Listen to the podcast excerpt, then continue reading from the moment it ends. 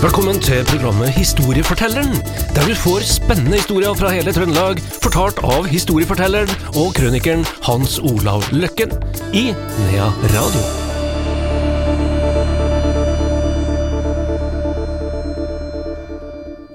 Historiefortelleren i Nea Radio er tilbake igjen. Navnet mitt er Andreas Reitan. Jeg har besøk av min eh, gode venn og historieforteller Hans Olav Løkken. Velkommen, Hans Olav. Ja, takk. takk. Eh, Vi skal til ja, Stjørdal kommune, Ja, det skal vi. og litt vi. tilbake i tid. Vi skal tilbake til 1881, der omkring da. Da var det urolig i Trøndelag.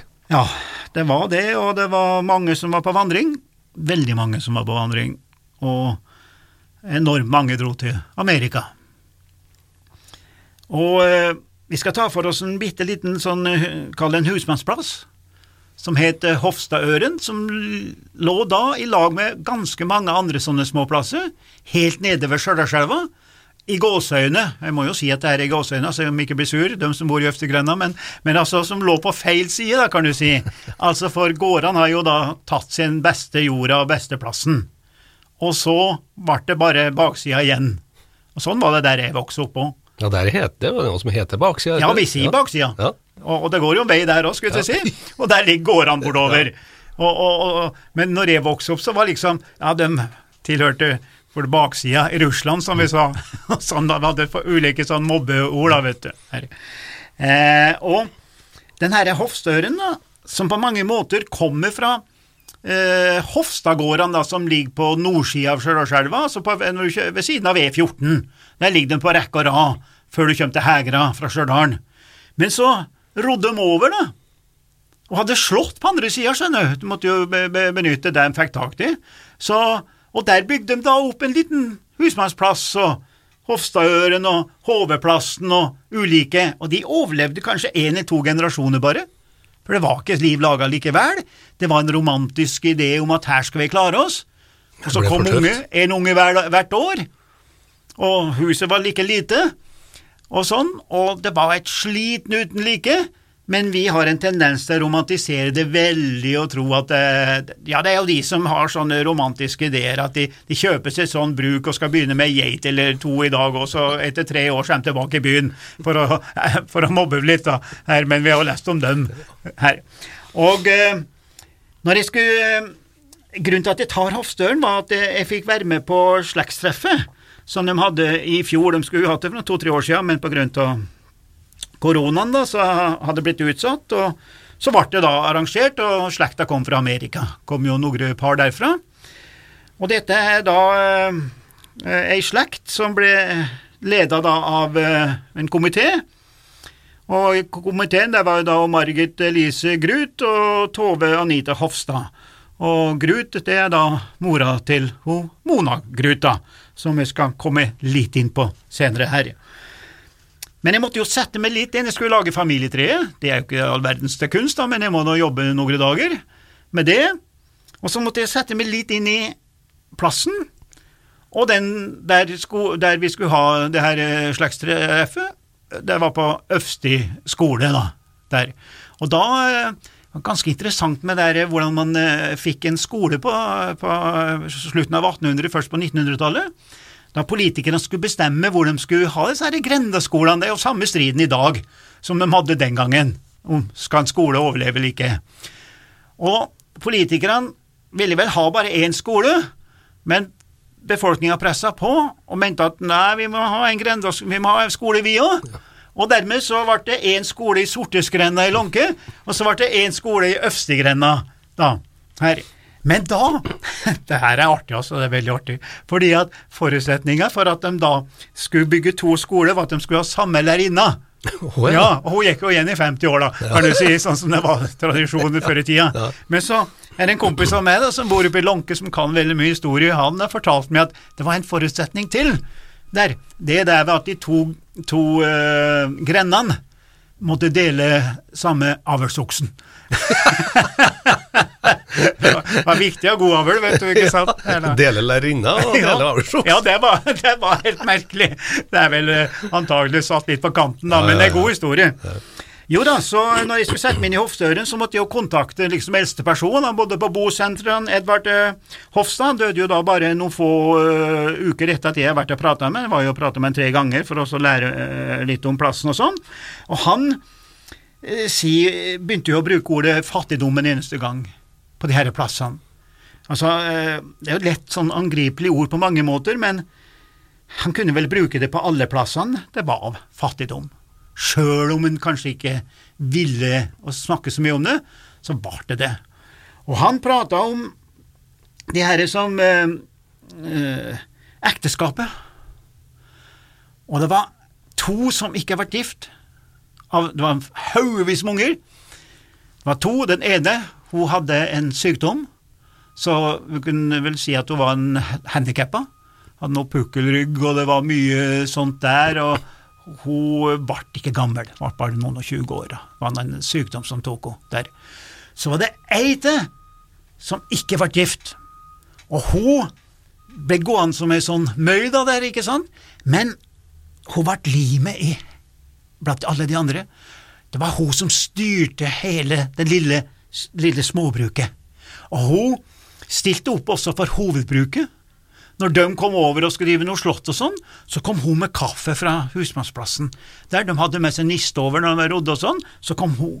Og hun hadde bare ei ku, melka den to ganger om dagen, separator, eh, vaska utstyret, lagra eh, det, det produktet i to dager, så hun gikk annenhver dag til samvirkelaget på, på, på Hegra, gikk, og bytta eller solgte produktet sitt for å holde liv i den her lille familien, som ble da nå stadig mindre, for nå flytter vi ut etter hvert, ikke sant. Men hun herre Magda, da, var liksom hun, hun, hun, var satt så høyt av han her Edvard, da, som døde noen og nitti år nå. Så når han pratet om Magda, så så jeg at han var veldig blank i øynene. For den herre Magda hun betydde så mye, og hun herre Magda finnes i mange sånne familier rundt om i Norge, på sånne småbruk, hun som må ta seg av foreldrene. Hun kom seg ikke ut av bygda. Og hvis hun kom seg ut av bygda, så kom hun hjem igjen for å ta, ta seg av foreldrene. For det var ikke noe sosialvesen uh, som tok seg av foreldrene og gamlehjem og sånn. Og sånne finnes det overalt. Kanskje ikke så mange i dag, men den gangen så var det, var det og, og, og skal vi glemme kanskje akkurat uh, det der, skal jeg over på en liten sidespor, men som er ganske interessant. Den her familien her, som kommer da, de kommer via Sondalen og forskjellige, og, og, og, og, inngift, ikke sant, og det var nesten bestemt hvem de skulle gifte seg med på forhånd, det fikk de i dåpsgave, bruker vi å si for å, å, ha det litt artig og sånn, da, og, så videre, og man skapte allianser, og de som skulle gifte seg med hverandre, var ikke alltid like begeistra for hverandre og sånn, det må vi vel kunne si, og da sa foreldrene 'slapp av, kjærligheten får komme senere', sa foreldrene. 'Kjærligheten får komme senere'. Jeg skulle prøvd det i dag. Jo da, og så kommer de enda lenger bakover, fra en som het Nils Bredal. Og da skal vi til en såkalt eh, dominikanermunk. Da skal vi inn i det katolske systemet med nonner og, og, og, og, munker og hele greia. Og han her er da en danske, da, som skrev den første danske eh, barneboka. Da, og, er liksom kjent for det i, i, i, i 1500, på 1500-tallet. Men han er kjent for en annen ting, og som i hvert fall jeg husker, men jeg husker ikke navnet hans, jeg vet ikke, men jeg har lært det her nå, da. Jo, det er han som skrev bolverset som vi sang på folkeskolen. Oi. Ja. I Jesu navn går vi til bords og spiser, drikker på ditt ord. Deg, Gud, til ære, oss til gagn, så får vi mat i Jesu navn. Det måtte vi ta hver eneste Vi kalte det matfrie minutt, vi, Andreas, når ja, ja. jeg vokste opp. Det gjorde vi jo. Ja. Det måtte vi ta hver gang, og det, vel, vel, likte eller ikke likte, poenget er at det er han som gjorde det. Mm. Stamfar. Det var stamfaren. Og den herre gjengen her. Det bordverset vårt. Bordverset vårt. Men er ikke det artig, da? For, for, familien? Men jeg må jo si at jeg har dumma meg litt ut, da, på det her bordverset, for jeg, jo, jeg driver jo fælt til Amerika annethvert år. Og i Amerika der leser de bordverset flere ganger om dagen, vet du. Det, er litt sånn småhyklersk, det er sånn, men så, så jeg har jo blitt invitert til hjem til folk, og så skal vi ha mat, og så er det jo noen, vet du, som sier at nå må du ta bordverset på uh, her, og jeg kan, kan, kan jo ikke, vet du, jeg innrømmer det, altså at jeg, jeg kunne jo den gangen, men jeg har jo ikke det er jo, Du holder ikke ved like? Nei, det er 60 år siden, Uh, 60 år siden så jeg holder ikke ved like, så, og, og, og i hvert fall ikke på engelsk, da. Og, og, sånn, da. Jeg syns det var ekkelt når jeg sa at jeg ikke kunne gjøre det, altså. Det, det var ekkelt, altså. Det, det likte ikke jeg. var enormt nederlag her i livet. At ikke jeg huska det, altså. Men, men, men for familien her så betyr det litt, da. Jo da, så eh, Så, så eh, han, han eh, Edvard her, da, han prata veldig mye om herre Magda, som vi prøvde å, å gjøre til en slags eh, eh, skal vi si en, en, en gjennomgangsmelodi da, på, på historie om Hofstadøren, som skulle være et eksempel på en, en plass som levde bare én eller to generasjoner, som i dag står der og forfaller, og som hadde ei sånn sliterdame som bandt alt sammen sammen. Og hun Margit uh, Grut og Tove Anita Hofstad, de her to damene, de eh, imponerte meg på mange måter, som syr det her sammen. Og herre Tove Anita Hofstad hun lever jo i dag.